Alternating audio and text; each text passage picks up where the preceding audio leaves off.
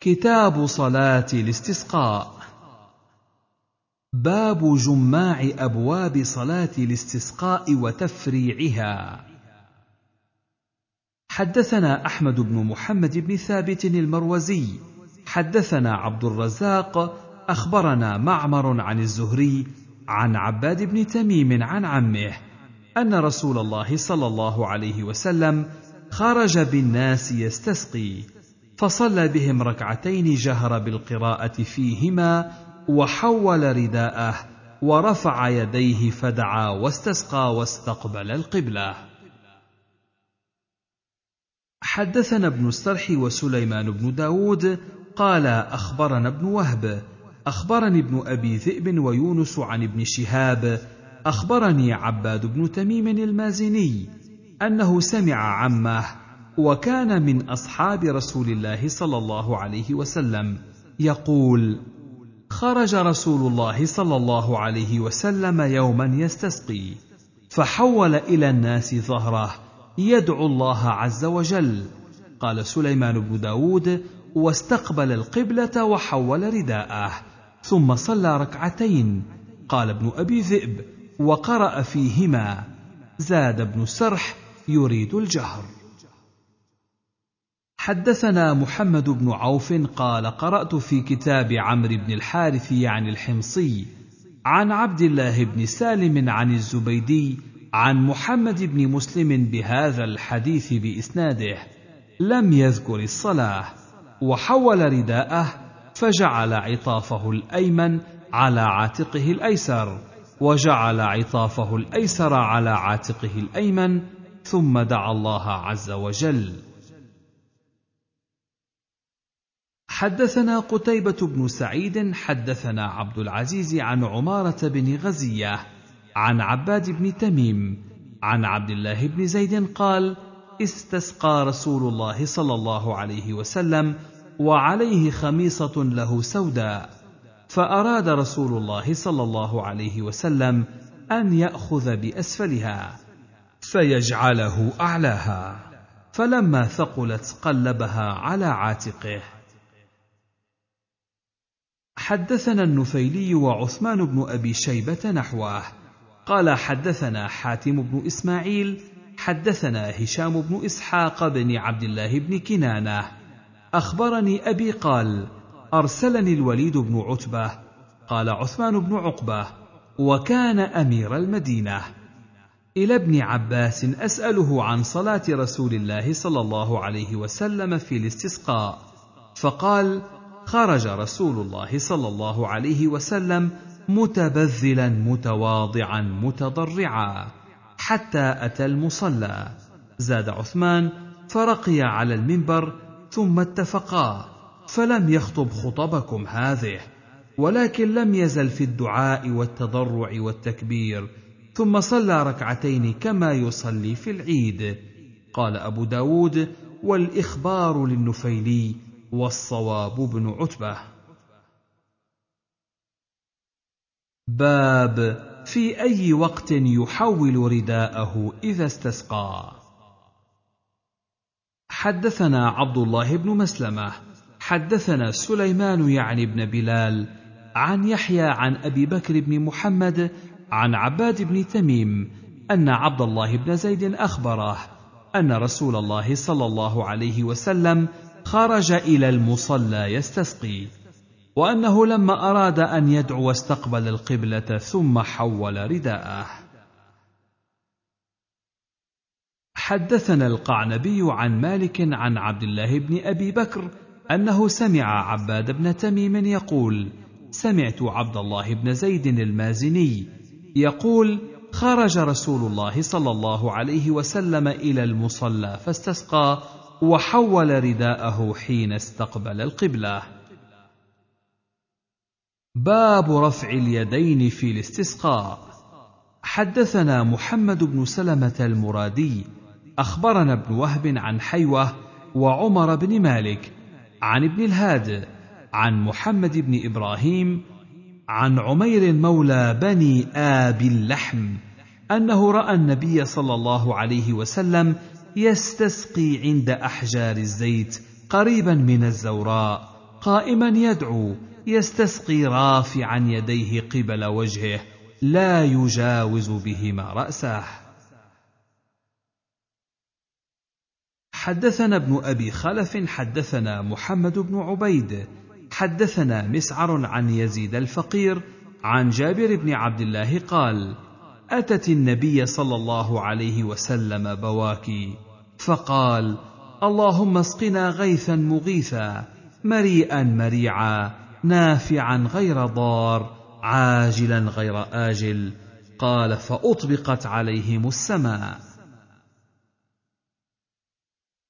حدثنا نصر بن علي أخبرنا يزيد بن زريع. حدثنا سعيد عن قتادة عن أنس أن النبي صلى الله عليه وسلم كان لا يرفع يديه في شيء من الدعاء إلا في الاستسقاء فإنه كان يرفع يديه حتى يرى بياض إبطيه.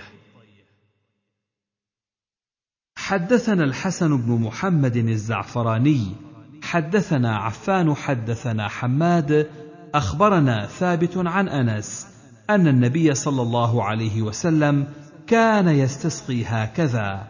يعني ومد يديه وجعل بطونهما مما يلي الأرض حتى رأيت بياض إبطيه. حدثنا مسلم بن إبراهيم حدثنا شعبة عن عبد ربه بن سعيد عن محمد بن إبراهيم.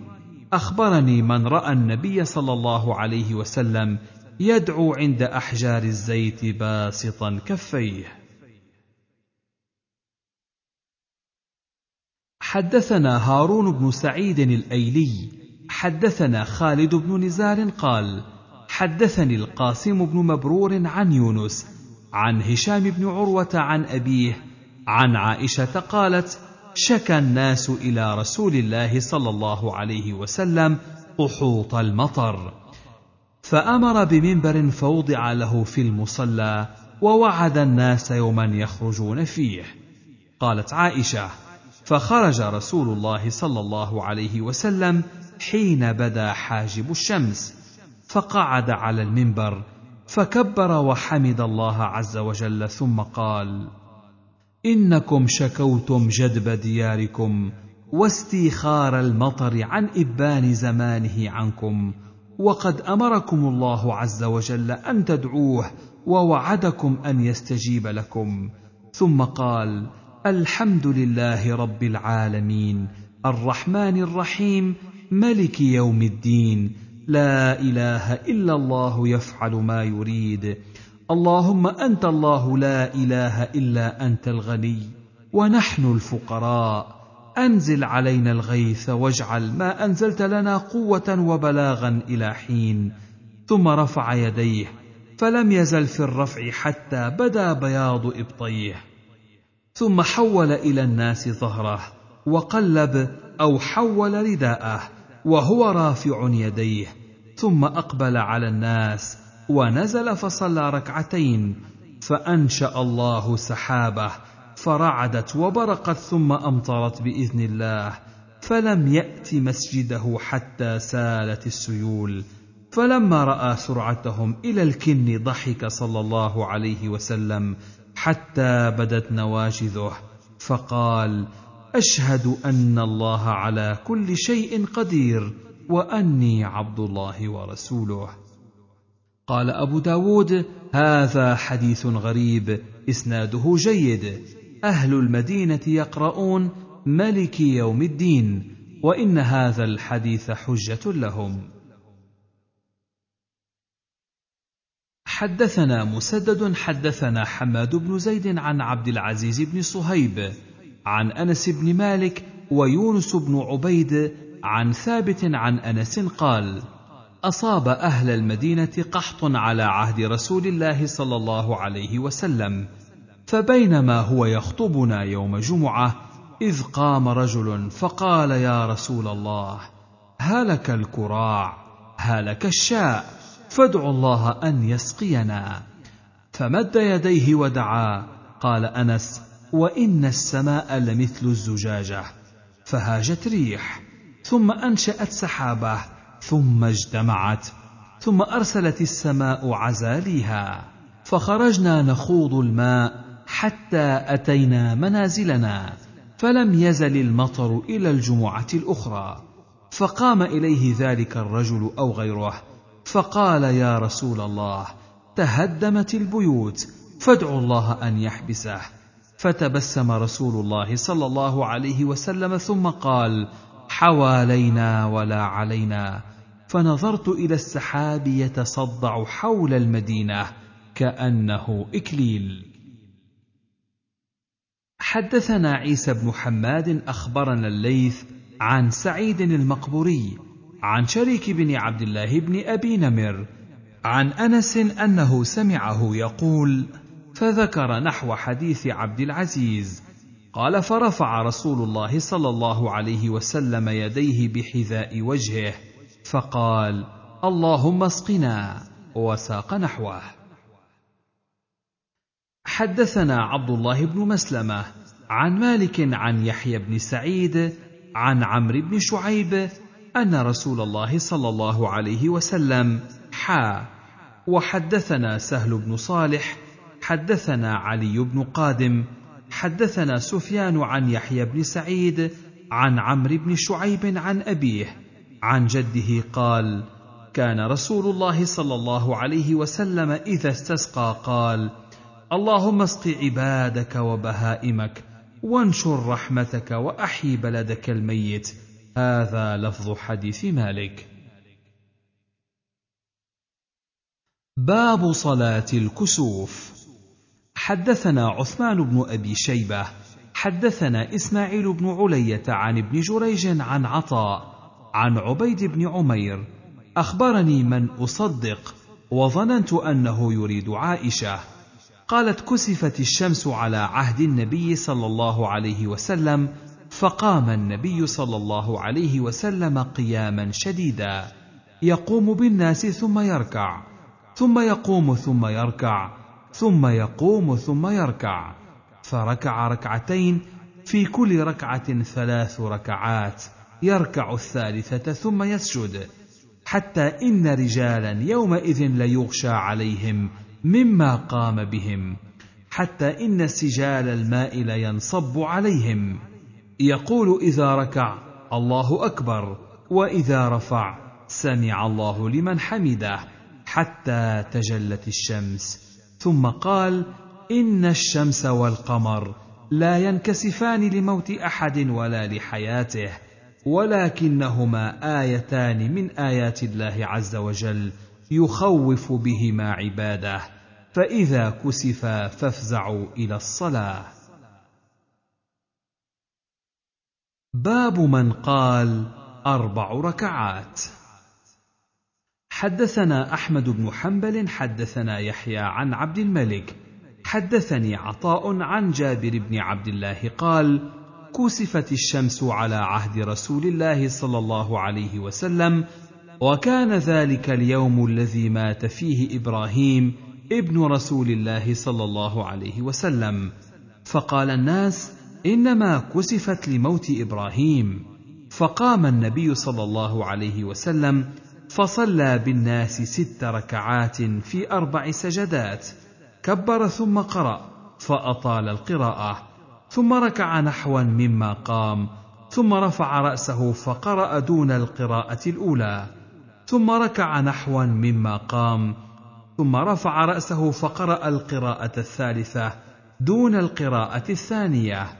ثم ركع نحوا مما قام ثم رفع رأسه فانحدر للسجود فسجد سجدتين ثم قام فركع ثلاث ركعات قبل أن يسجد. ليس فيها ركعة إلا التي قبلها أطول من التي بعدها إلا أن ركوعه نحو من قيامه. قال ثم تأخر في صلاته فتأخرت الصفوف معه ثم تقدم فقام في مقامه وتقدمت الصفوف فقضى الصلاة وقد طلعت الشمس فقال يا أيها الناس إن الشمس والقمر آيتان من آيات الله عز وجل لا ينكسفان لموت بشر فإذا رأيتم شيئا من ذلك فصلوا حتى تنجلي وساق بقية الحديث.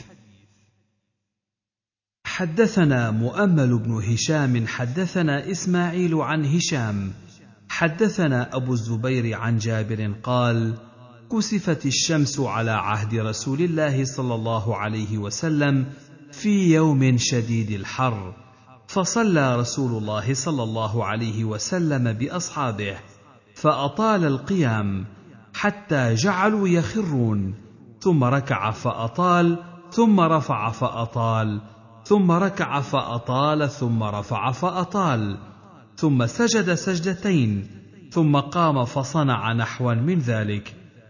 فكان أربع ركعات وأربع سجدات وساق الحديث. حدثنا ابن السرح حدثنا ابن وهب وحدثنا محمد بن سلمة المرادي. حدثنا ابن وهب عن يونس عن ابن شهاب أخبرني عروة بن الزبير عن عائشة زوج النبي صلى الله عليه وسلم قالت خسفت الشمس في حياة رسول الله صلى الله عليه وسلم فخرج رسول الله صلى الله عليه وسلم إلى المسجد فقام فكبر وصف الناس وراءه فاقترأ رسول الله صلى الله عليه وسلم قراءة طويلة. ثم كبر فركع ركوعا طويلا ثم رفع رأسه فقال سمع الله لمن حمده ربنا ولك الحمد. ثم قام فاقترأ قراءة طويلة هي أدنى من القراءة الأولى. ثم كبر فركع ركوعا طويلا هو أدنى من الركوع الأول. ثم قال سمع الله لمن حمده ربنا ولك الحمد. ثم فعل في الركعة الأخرى مثل ذلك فاستكمل أربع ركعات وأربع سجدات وانجلت الشمس قبل أن ينصرف. حدثنا أحمد بن صالح حدثنا عن بسه حدثنا يونس عن ابن شهاب. قال كان كثير بن عباس يحدث أن عبد الله بن عباس كان يحدث أن رسول الله صلى الله عليه وسلم صلى في كسوف الشمس مثل حديث عروة عن عائشة عن رسول الله صلى الله عليه وسلم أنه صلى ركعتين في كل ركعة ركعتين. حدثنا أحمد بن الفرات بن خالد أبو مسعود الرازي.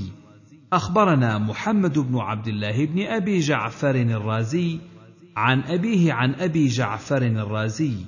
قال أبو داود وحدثت عن عمر بن شقيق حدثنا أبو جعفر الرازي وهذا لفظه وهو أتم عن الربيع بن أنس عن أبي العالية عن أبي بن كعب قال انكسفت الشمس على عهد رسول الله صلى الله عليه وسلم وإن النبي صلى الله عليه وسلم صلى بهم فقرأ بسورة من الطول وركع خمس ركعات وسجد سجدتين ثم قام الثانية فقرأ سورة من الطول وركع خمس ركعات وسجد سجدتين ثم جلس كما هو مستقبل القبلة يدعو حتى انجلى كسوفها.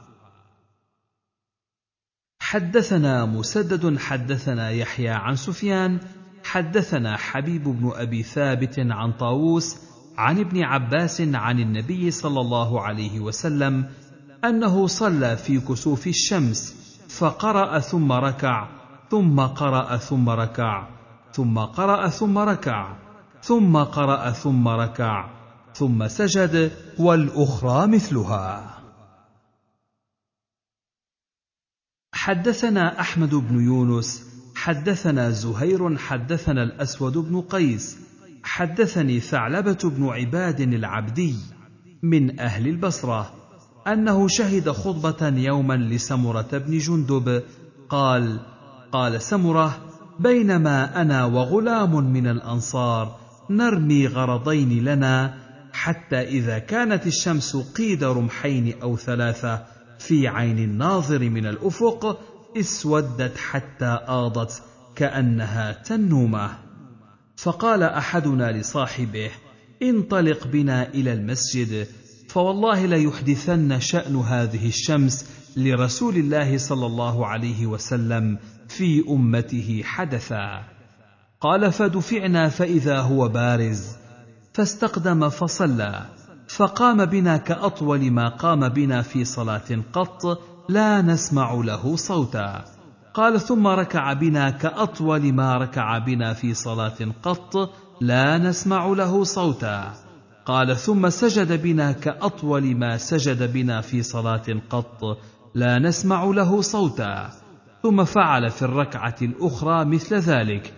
قال فوافق تجلي الشمس جلوسه في الركعة الثانية. قال ثم سلم ثم قام فحمد الله وأثنى عليه. وشهد أن لا إله إلا الله وشهد أنه عبده ورسوله. ثم ساق أحمد بن يونس خطبة النبي صلى الله عليه وسلم.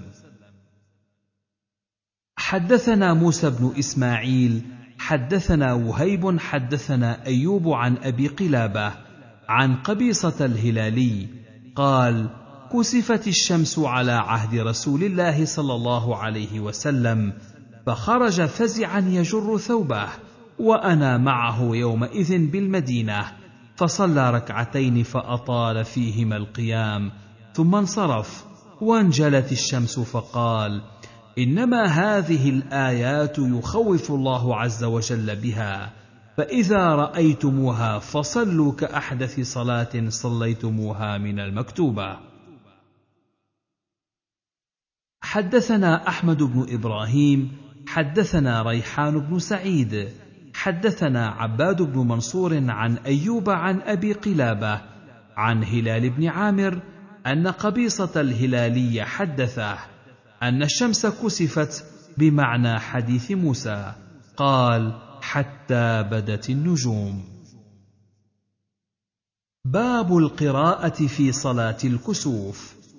حدثنا عبيد الله بن سعد حدثنا عمي حدثنا أبي عن محمد بن إسحاق حدثني هشام بن عروة وعبد الله بن أبي سلمة عن سليمان بن يسار كلهم قد حدثني عن عروة عن عائشة قالت كسفت الشمس على عهد رسول الله صلى الله عليه وسلم فخرج رسول الله صلى الله عليه وسلم فصلى بالناس فقام فحذرت قراءته فرأيت أنه قرأ بسورة البقرة وساق الحديث ثم سجد سجدتين ثم قام فأطال القراءة فحذرت قراءته فرأيت أنه قرأ بسورة آل عمران.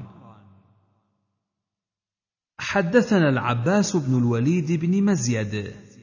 أخبرني أبي حدثنا الأوزاعي أخبرني الزهري أخبرني عروة بن الزبير عن عائشة أن رسول الله صلى الله عليه وسلم قرأ قراءة طويلة فجهر بها يعني في صلاة الكسوف.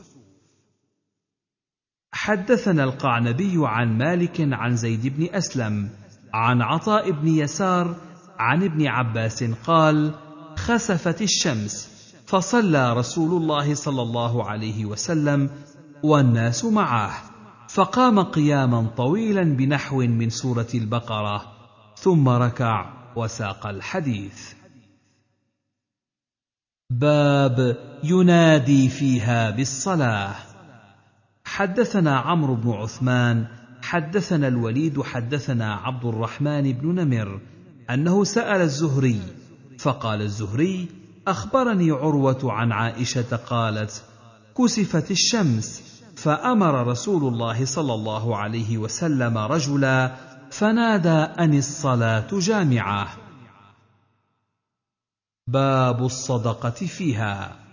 حدثنا القعنبي عن مالك عن هشام بن عروة عن عروة عن عائشة أن النبي صلى الله عليه وسلم قال الشمس والقمر لا يخسفان لموت أحد ولا لحياته فإذا رأيتم ذلك فادعوا الله عز وجل وكبروا وتصدقوا.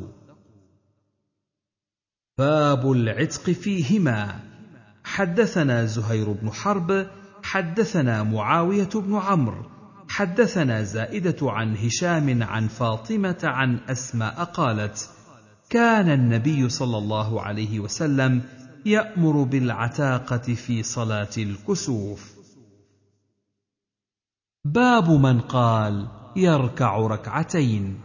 حدثنا أحمد بن أبي شعيب الحراني حدثني الحارث بن عمير البصري عن أيوب السختياني عن أبي قلابة عن النعمان بن بشير قال كسفت الشمس على عهد النبي صلى الله عليه وسلم فجعل يصلي ركعتين ركعتين ويسأل عنها حتى انجلت. حدثنا موسى بن إسماعيل حدثنا حماد عن عطاء بن السائب عن أبيه عن عبد الله بن عمرو قال انكسفت الشمس على عهد رسول الله صلى الله عليه وسلم فقام رسول الله صلى الله عليه وسلم لم يكد يركع ثم ركع فلم يكد يرفع ثم رفع فلم يكد يسجد ثم سجد فلم يكد يرفع. ثم رفع فلم يكد يسجد ثم سجد فلم يكد يرفع ثم رفع وفعل في الركعة الأخرى مثل ذلك ثم نفخ في آخر سجوده فقال اف اف ثم قال رب ألم تعدني ألا تعذبهم وأنا فيهم؟ ألم تعدني ألا تعذبهم وهم يستغفرون؟ ففرغ رسول الله صلى الله عليه وسلم من صلاته وقد أمحصت الشمس وساق الحديث.